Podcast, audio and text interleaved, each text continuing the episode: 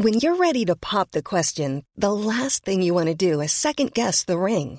At Bluenile.com, you can design a one of a kind ring with the ease and convenience of shopping online. Choose your diamond and setting. When you find the one, you'll get it delivered right to your door. Go to Bluenile.com and use promo code LISTEN to get $50 off your purchase of $500 or more. That's code LISTEN at Bluenile.com for $50 off your purchase.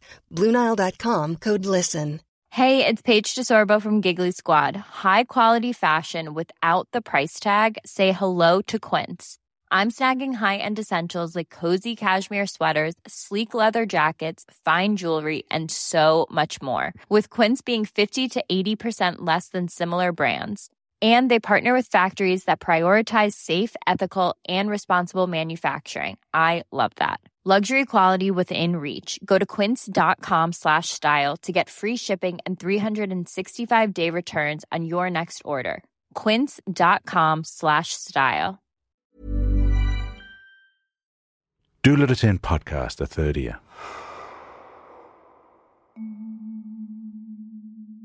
Den her gang en særudgave. En påske special i to del. Det er en historie om æg. Det er en historie om at lede efter æg. Om Danmarks nok største æggejagt nogensinde. Det handler om ublæste æg i tusindvis. Hele lagerhaller fuld af ublæste æg. Og det er en historie, der kommer ud af siderne af nordisk kriminalreportager. Som flere andre historier her på 30 har gjort før. Hvis du har lyttet til 30's serier om for eksempel Ringbindsattentatet, historien om en mand bliver skudt af en ringbind, eller 21 roser, historien om Danmarks største narkosag i 90'erne, kender du måske til Christer Molsens fascination af den udgivelse, Nordisk Kriminal Reportage. En udgivelse, som kommer hvert år og er udgivet af Politiets Idrætsforbunds forlag. Det er en årlig opsamling af politiets yndlingssager, skrevet af de politifolk, som har efterforsket sagerne. Og hvis du ikke kender til nordisk kriminalreportage, så gør det ikke noget. Du får en introduktion lige her og nu. Køstemolsen har fået 30's Anna Taulo til at dykke ned i de hellige sider af nordisk kriminalreportage for at jage æg. Historien hedder Anna og æggetyvene. Og det starter med Christa og Anna i studiet, hvor Christa har tvunget Anna til at deltage i en lille overleg. Værsgo.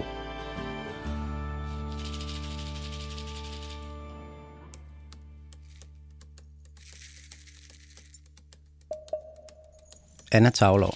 Ja. Kender du den leg, associationsleg, hvor man siger et ord? Jeg siger et ord, og så skal du sige det første, der falder dig ind. Ja, den kender jeg godt. Skal vi lege den? Ja. Æg. Spejlæg. Organiseret kriminalitet. Øh, netværk. Opel Kadett. Skov- og Naturstyrelsen. Nordisk kriminalreportage. Bibelen. Det er din bibel. Det her handler om æg. Det handler om æg. Vi kan ikke komme udenom det. Og det gør de i Nordisk kriminalreportage. Som jo nok er din yndlingsbog, hvis du skulle vælge en. ja. Du har i hvert fald læst helt utrolig mange bind af den. Jeg har læst alt. Ja. Helt tilbage fra 60'erne. Hvert år udkommer der en ny. Ja. Sager fra hele, fra hele Norden. Alle de største politisager, der er skrevet, beskrevet af politimændene, der har opklaret den. Ikke? Det er sådan en, en prallebog fra politiets side. Ikke?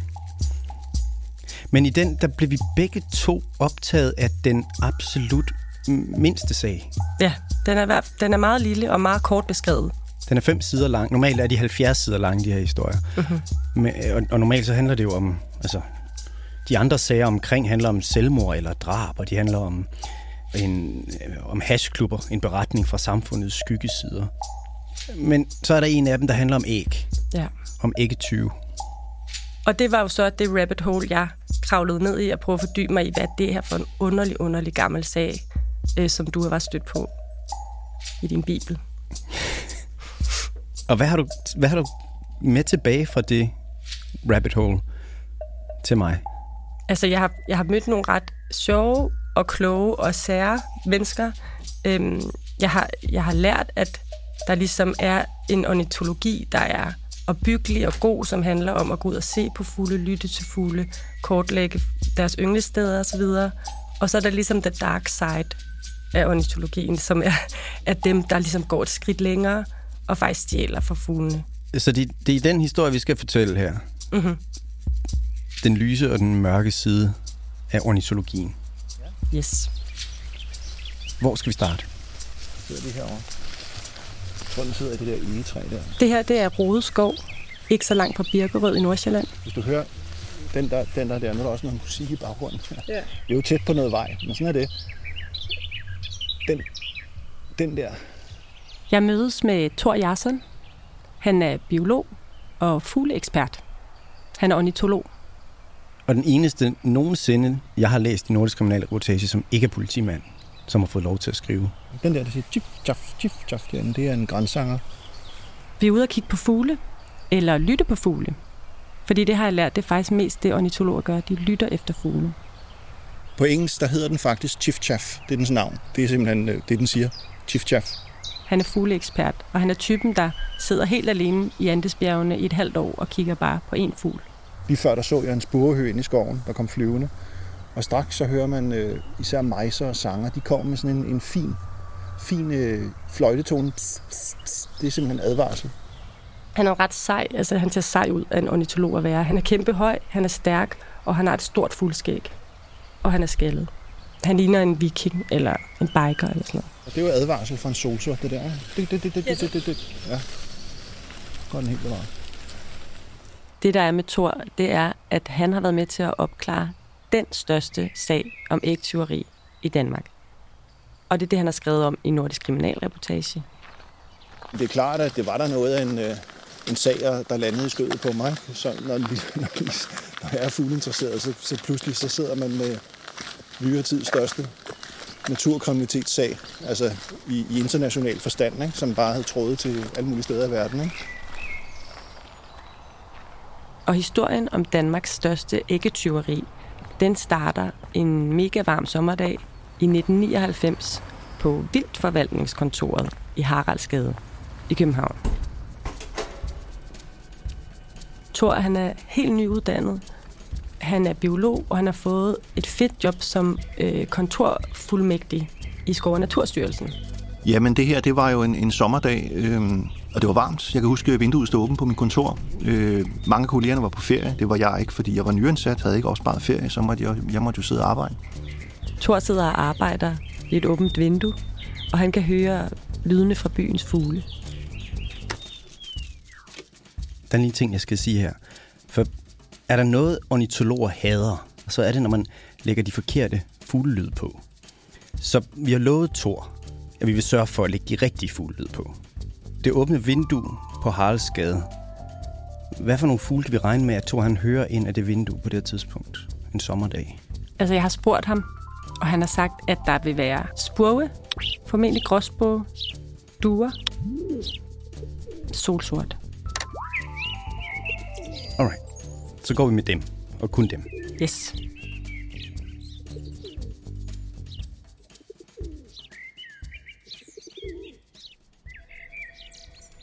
Ellers sad jeg bare der, og så pludselig ringede telefonen. Øhm, og det var nogle delstatsmyndigheder nede fra Nordtyskland, fra Brandenburg, som øh, fortalte, at de var i gang med at oprulle en stor sag, øh, som involverede danskere formentlig, og som handlede om indsamling af fugleæg fra naturen, som var ulovligt. Og man havde faktisk allerede beslaglagt mere end 70.000 æg, øh, og man sad i en stor lagerhal, øh, og en masse politifolk var i gang med at gennemgå de her æg, som kom fra nogle samlere. Hold da kæft, 70.000 æg. Yes. Den her lagerhal, den er propfuld af æg. Og de er alle sammen pustet ud. Altså ligesom når man puster æg til påske. Yes. Hver enkelt eneste af dem er pustet ud, ligesom et påskeæg. Fordi hvis det ikke gør det, så rådner de, og så er der ikke noget til samlingen. Og så havde man i alt det her materiale, man havde beslaglagt, det var ikke kun æg, det var også øh, notesbøger, kartotekskort. Der havde man så fundet en række danske navne, øh, og det var derfor, den her kollega nede fra Nordtyskland ringede. Tyskerne de siger, at de er ved at oprulle den her sag, og der er rigtig meget, der tyder på, at det er en international øh, sag. At det ligesom er et netværk, som også har rødder i Danmark. Øhm, og der optræder især et navn i det her materiale gentagende gange, som Thor bliver bedt om at undersøge, hvem er denne her mand. Og han er dansk. Han er dansk, og han er skolelærer, skoleleder. Og hvad gør Thor? Mm, så løb jeg ned til den øh, kontorchef, som, som var fungerende her i, i ferien og sagde, nu skal du høre, øh, der er simpelthen noget i gang, og vi må, vi må, vi må gøre noget. Øh, og han var jo sådan, åh oh, ja, men lad os nu se, og, og alt muligt. Men, men, men jeg havde aftalt med tyskerne, og de faxede det materiale, de havde til os. Det var dengang, man brugte fax. Thor han er travlt, fordi det her det er en koordineret indsats. Så man skal sørge for, at de tyske ægsamlere ikke når at advare skolelederen. Og, og så kunne vi se, det var over i øh, Østjylland, det var over ved Horsens. Skolelederen bor i en by tæt ved Horsens, så Thor tager afsted. Så, så jeg kastede mig ind i en af styrelsens øh, øh, små blå biler og drønede afsted hen over øh, Sjælland og Storebæltsbroen.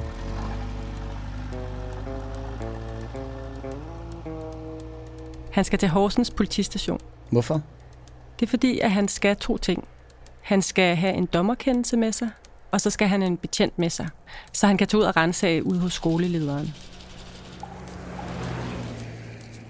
Anna, hen over Storbæltsbroen, hvad for nogle fugle kan vi regne med, at Thor han, øh, kan høre ud af vinduet der? Det må være havmåger, tænker jeg. Okay, Jeg tror, vi nøjes med havmåger.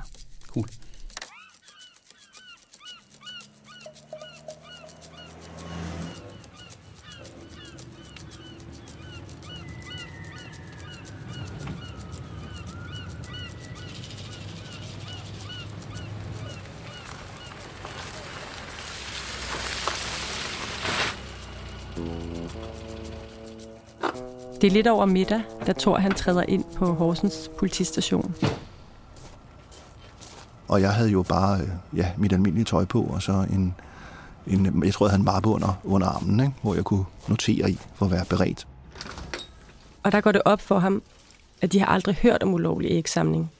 De fatter ikke, hvad han snakker om. Det, øh, jeg tror, Horsens politi de havde lidt svært ved at... at, at nå, okay, altså det, det, det er måske ikke lige det, der støjler først for i deres, øh, deres bog, og de har sikkert andre vigtige ting at tage sig af. Ikke? Klart, de er sådan lidt, "Hvor- hvorfor skal vi, hvorfor skal vi bruge tid på det her? Ja, jeg går ud fra, at de også synes, de har andet, der er vigtigere, sådan lige umiddelbart. Men, øh, men han får en betjent med. Og de kører ud af den her lange landevej og kommer ud til en enormt smuk landejendom med hvidkalket vægge og stråtægt tag og bare total idyll. Hvad for nogle fugle er der der? Jeg har spurgt Thor, at på sådan en landejendom, der vil der typisk være svaler og sanglærker.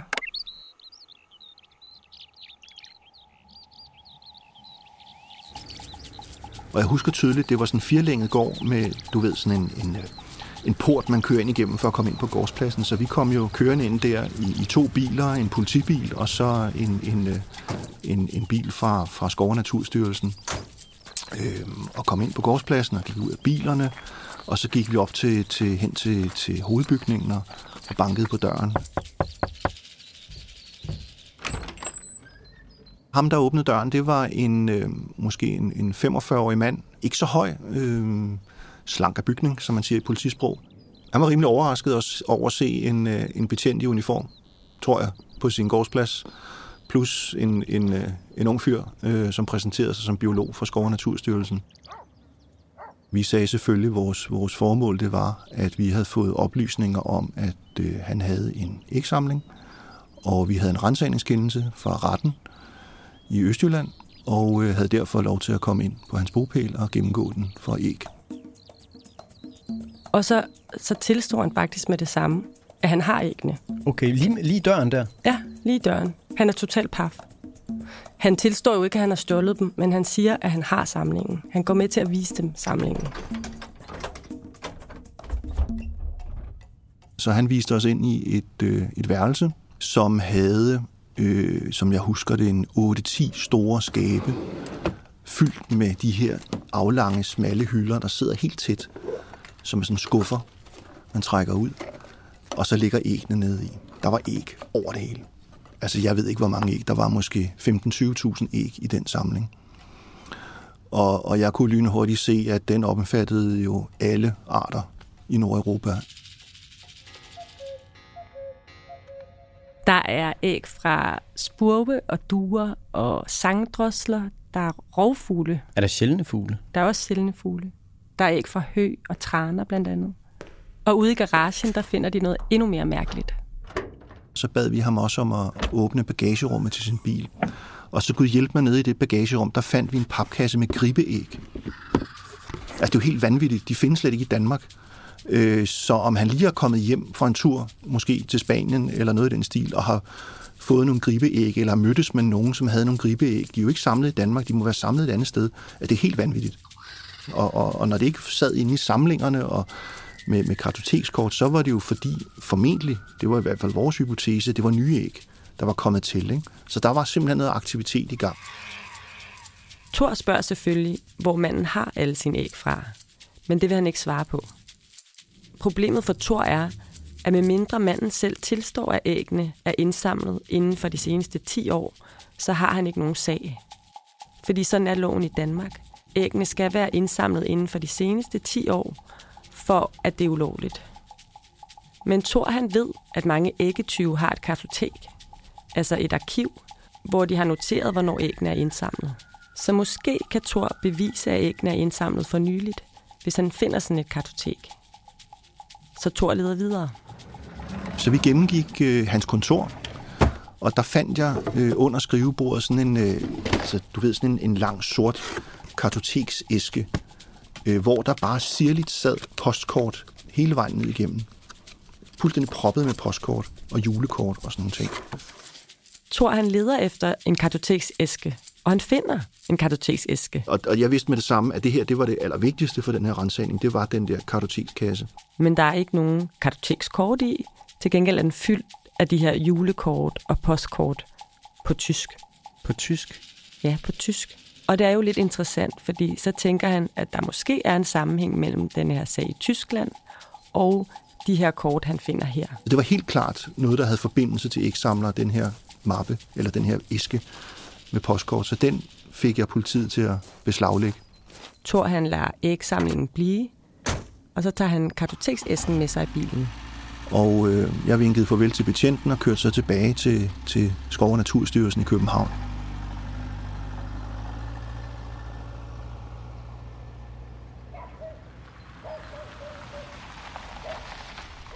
Det er blevet ret sen aften, da Thor han øh, parkerer den blå Opel Kadett foran øh, Naturstyrelsen på Haraldsgade. Hvad for nogle fugle synger der, tror du? Om det er ret sent, så jeg tror ikke, der er nogen fugle på det tidspunkt. Hvis solen er gået ned, så plejer der ikke at være fugle, Christian. Okay, så vi, vi bliver nødt til at køre med stillhed her. Nu kører vi stillhed.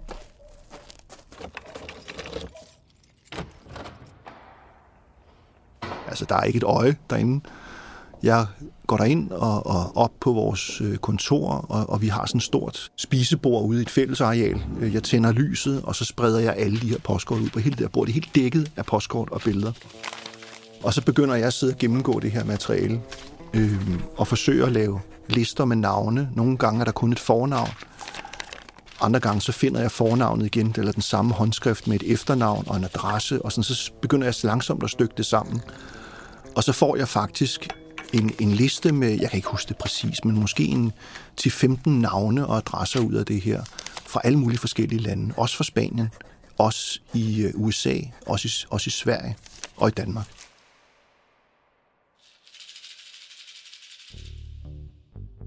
Så det her er et stort internationalt kriminelt netværk i virkeligheden. Ja, og som store kriminelle netværk, så kommunikerer de også via kodesprog. Virkelig. De har deres egne koder. De skrev sammen, og de skrev postkort til hinanden, julekort. Og det kan man sige, det var der mange mennesker, der gjorde dengang. Øh, men de skrev faktisk i koder. Øh, det havde tyskerne fundet ud af i deres efterforskning, at for eksempel, når, når de skrev på tysk, ich habe schöne fotos, jeg har fine fotos, så betød det faktisk, at man havde samlet æg ind af den her fugleart. Og hvis man vedlagde et foto af en rede i sit julekort, så betød det, at man havde lige præcis det her æg.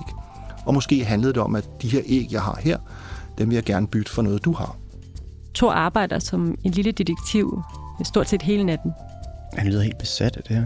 Ja, Øh, Jeg kan huske, at jeg arbejder hele natten, og på et tidspunkt så bliver jeg så træt, så jeg går ind og sover på kontorchefens sofa på hans kontor i hjørnekontoret, og sover lige et par timer.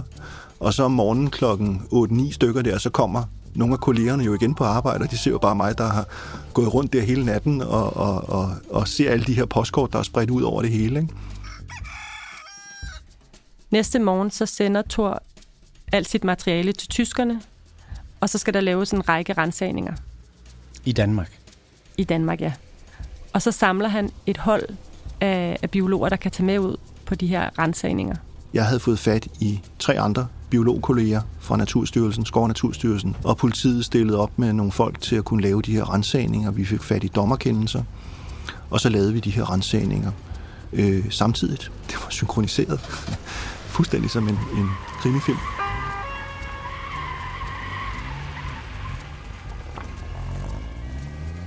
Det lyder mere og mere som nogle af de sådan, store narkobusts, jeg har læst om i Nordisk Kriminalreportage igennem tiderne. Ja, Altså de her koordinerede indsatser, hvor det er vigtigt, at det sker på præcis samme tid. Så de ikke kan nå at advare hinanden, de ikke kan nå at stikke af, ikke kan nå at, at gemme deres øhm, ulovligheder af vejen. ja. Hvor skal Thor hen? Thor han skal til Nørrebro i København, i en lejlighed, hvor der bor en ung mand. Og det undrer Thor lidt, fordi ægsamling plejer mest at være noget for ældre mænd. Jeg tog afsted øh, til den her adresse på Nørrebro, i sådan en helt almindelig lille Nørrebro-lejlighed, en ejendom, røde mursten, tæt på Assistens Kirkegård, kan jeg huske. Assistenskirkegården i København. Mhm. Der ved jeg, hvad der er for nogle fugle. Jeg er der næsten hver dag. Hvad er det for nogle fugle? Der er kraver og ravne, i hvert fald. Altså, jeg tror ikke, der er ravne, fordi de er meget, meget sjældne. De er dobbelt så store som kraver. Oh shit. Så er det de andre skader. Mm, jeg tror godt, der kunne være skader. Skader, det er der. Skader, kraver, gråsbue. Yes. Og måske en skovdue også, nu hvor der er park.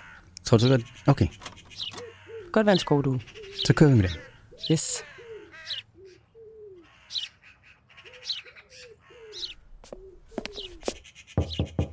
Vi kom ind i opgangen, og politiet bankede på og ringede på, og der var ingen, der svarede. Så vi øh, endte så faktisk med at gå ind med låsesmed og, øh, og, og kiggede ind i, i den her lille lejlighed. Og allerede lige inde i gangen, det er sådan en lille bitte entré, der lå der klatresporer. Det er sådan nogle, man sætter på benene for neden, øh, med sådan nogle, nogle, nogle små spyde i, som man faktisk kan kravle op ad et, et træ eller en telefonpæl, og så har du sådan en, en rem rundt om, som du støtter dig med på kroppen. Ikke? Øhm, så tænkte jeg, "Hov, hold da om, altså det er der ikke mange, der har klatrespor liggende. Og lige ved siden af de klatrespor, der var der to kagedåser. Jeg åbnede de der dåser, og så var der fugleæg nede i, i vat, uden nogen, uden nogen notater eller noget som helst. Øh, så han klatrede til synladen op i træerne og, og tømte fuglereder for æg. Øh, Hvad han så gjorde ved det, når man gjorde det for pengenes skyld, eller hvad, det, øhm, det vidste vi ikke på det tidspunkt. Eller om han bare byttede dem væk eller gav dem væk. Han havde ikke nogen samling, så, så han, han var ikke en samler. Han var en, der forsynede nogen med æg. Så der er også fodfolk her. Det ser sådan ud.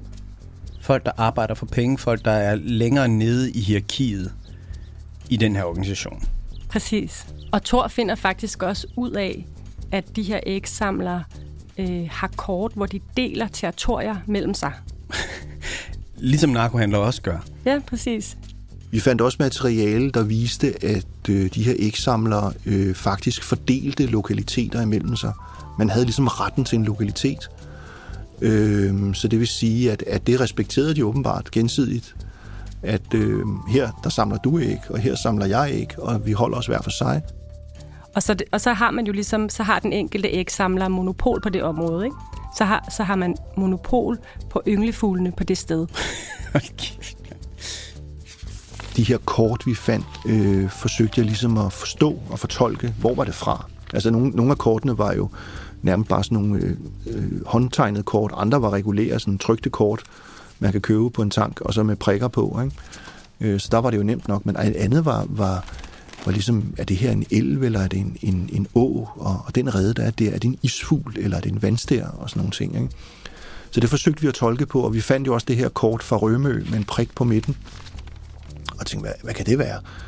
Øh, og havde en mistanke om, at det var den her øh, sjældne rovfugl, der hedder hedehø, øh, som heldigvis er blevet lidt mere almindelig i dag, øh, her 20 år efter, men dengang var en meget sjælden ynglefugl.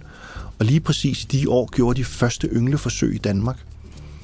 Øh, og, og de mislykkedes flere gange. Og så er det, vi spekulerede på, jamen, var det jo fordi de her ikke samler var ude og samle æggene ind for redderne de første år. Okay. Altså, så de samler æg ind fra fugle, der er troet at blive udryddet? Yes. Og det er jo det, der ligesom er kernen af det her, er, at ægsamlerne også stjæler æg fra troede fuglearter. Og det er jo formentlig dem, der er mest prestige i at have. Det er jo nok de sjældne æg. Ja, det må man gå ud fra, ikke? Jo. Det er dem, der er sværest at få fat i, selvfølgelig. Ja. Og hvis der er nok ægtyve, der stjæler sjældne fugleæg, så er det virkelig et stort problem. Og derfor er den her sag også stor, fordi de begynder at finde så mange mennesker, der faktisk samler på æg herhjemme. Det viser sig, at det er et stort netværk af fulde ægsamlere, der er i Danmark. Der er mindst en håndfuld ægtyve, der har tusindvis af æg privat derhjemme. Og der er faktisk også efterhånden mange politikredse, der er blevet involveret i den her sag. Så det er blevet en landsdækkende sag, kan man sige. Og derfor så bliver politiets rejsehold også tilkaldt. Wow. Ja. Rejseholdet bliver kaldt ind. Ja. Det plejer at være sådan nogen, man kalder ind, hvis, hvis der er mor eller kæmpe store narkosager. Ja. Åbenbart også ulovlig ægsamling. Altså, det var jo politifolk øh, for rejseholdet, og det er altså ikke rejseholdet, som man oplever det på tv dengang. Det var øh, øh, to betjente.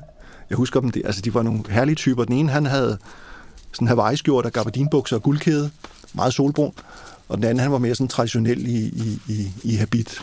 Øh, og så havde de en stationcar, og den var fyldt med et kontor. Og det var altså ikke en bærbar computer, det var en de her gamle computer med en stor skærm, en monitor, et, et øh, sådan høj computer til gulvet, en kaffemaskine, altså en helt kaffemaskine var der, ikke? Og jeg husker på et tidspunkt, at jeg skulle møde dem over i Jylland, et eller andet sted, Øh, og de havde skidt mig en adresse og sådan noget, og jeg fandt frem, og det var sådan ude i et fabrikskvarter, og så kom jeg til sådan en eller anden øh, fabriksbygning, og så var, det et, en, så var det en regulær lagerhal, jeg gik ind i. Og jeg husker, der sad de der to betjente ved, ved sådan et sammenklapligt bord med, på klapstole, med hele deres kontor omkring sig. Rejseholdet de afhører alle de mistænkte æggetyve. Men der er ingen af dem, der vil indrømme, hvornår de har indsamlet æggene. Og når de ikke vil det, så skal rejseholdet kunne bevise, at æggene er indsamlet inden for de seneste 10 år. Ellers er det ikke ulovligt. Og det er jo, sådan er det jo i Danmark. Heldigvis så er det myndighederne, der har bevisbyrden. Så vi skulle jo for hver enkelt æg bevise, at det var indsamlet inden for maks 10 år. Og der ringede jeg jo for eksempel til Københavns Universitet for at spørge, hvordan gør man det? Og det kræver en kemisk analyse, hvor man så samtidig faktisk destruerer ægget.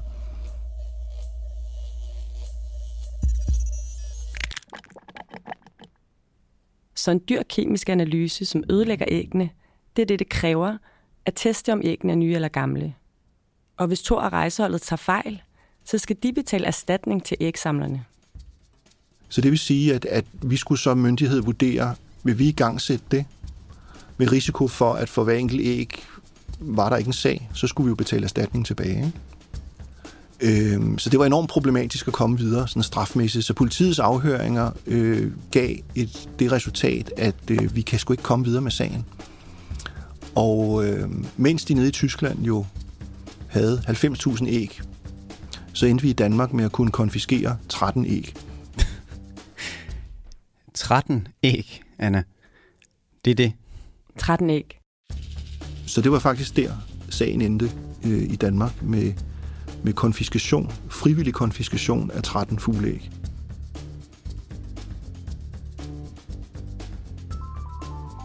Efter alt det her, efter rejseholdet har været på banen, efter der har været sådan nogle tag teams af en biolog og en betjent ude og rensage simultant i hele landet, Mm-hmm. så ender det med 13 æg. Ja, ja, og de har kortlagt det her net, internationale netværk, der også er i Danmark. Og alligevel går alle de mistænkte fri. Øh, klatretyven, skolelederen og de andre ikke-tyve mistænkte, de går alle sammen fri.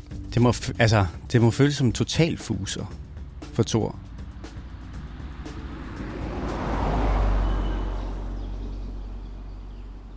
Thor tænker stadig på de her ikke-tyve, når han er ude og se på fugle i dag. Og jeg kan mærke det på ham, når vi går rundt ude i Rode Skov, at det generer ham stadigvæk. De har jo også været ude for at nyde naturen. De har også haft det der drive for at komme hen nogle fede steder. Altså, det er jo ofte fede steder, hvor der yngler nogle sjældne fugle. Ikke? Et eller andet sted er det, jo, er det jo en interesse for naturen. Den fik bare det der twist, øh, som, som, hvor de ligesom gik græsat. Ikke? Og de her æggesamlere, de får lov til at beholde deres æg, deres samlinger. De får lov til at, at kunne prale med dem Ja. til hinanden. Det er jo det, der er så ironisk, at de, at de har jo så stadig de her komplette ægsamlinger med mange tusind æg. Øh, også fra de her sjældne fugle, som man må gå ud fra, de også viser hinanden øh, og praler af. Ikke? Så der er jo ikke noget, der har rigtig har rørt dem, kan man sige. Og til synlædende var der også en eller anden form for drive hos den mod at få fat i de første af en eller anden ny ynglefugl i Danmark. Ikke? De første æg. Det er det, der givetvis noget, noget prestige i. Ikke? Ja, det kunne man godt forestille sig. Men der er en ting, jeg har tænkt på lige, altså, siden starten. Mm-hmm. Lige siden jeg læste den der artikel i Nordisk Kriminalreportage første gang, det er, hvorfor? Hvorfor gør de det her? Altså de her æggetyve, hvorfor snupper de æg fra, fra tusindvis af fugle? Jamen, det er jo faktisk noget, vi slet ikke har talt om i det her afsnit. Mm. Hvorfor gør de det? Hvorfor stjæler de æggene? Hvad er det egentlig, det handler om for de her mænd, som det jo faktisk primært er? Øhm, men det skal vi snakke om i næste afsnit. Okay, du har mere med tilbage fra, fra The Rabbit Hole. Præcis. Jeg har nemlig mødt den her politimand, som ved siden af sit job som øh, betjent i kriminalafdelingen og narkoafdelingen i København, så har han prøvet at boste, så har han prøvet at jage de her æggetyve. Øhm, og ham har jeg talt med. Og der er især en mand, som han har været optaget af over mange år, og det er ham, han kalder Danmarks største æggetyv. Og ham har jeg også talt med. Okay. Og det er næste gang Det er næste gang. i Anna og æggetyvene. Ja, det kunne ikke, det kunne ikke være i et afsnit. Det kender jeg godt. Det kender jeg godt. Ja, Den har jeg rendt på mange gange. ja. ja det bliver ligesom større, end man lige tror.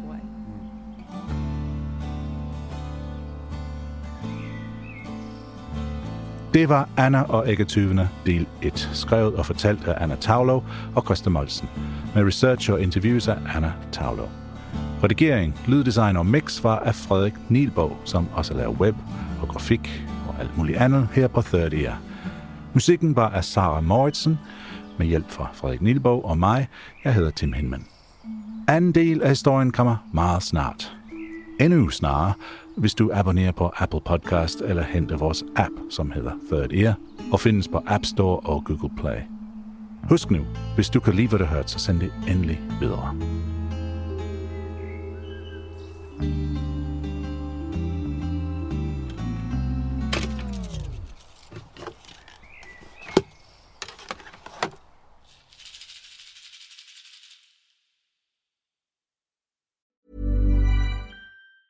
Hi, I'm Daniel, founder of Pretty Litter. Did you know cats tend to hide symptoms of sickness and pain? I learned this the hard way after losing my cat, Gingy. So I created Pretty Litter, a health monitoring litter that helps detect early signs of illness by changing colors, saving you money and potentially your cat's life. Pretty Litter is veterinarian developed, and it's the easiest way to keep tabs on your fur baby's health right at home. Go to prettylitter.com and use code ACAST for 20% off your first order and a free cat toy. Terms and conditions apply. See site for details. Planning for your next trip?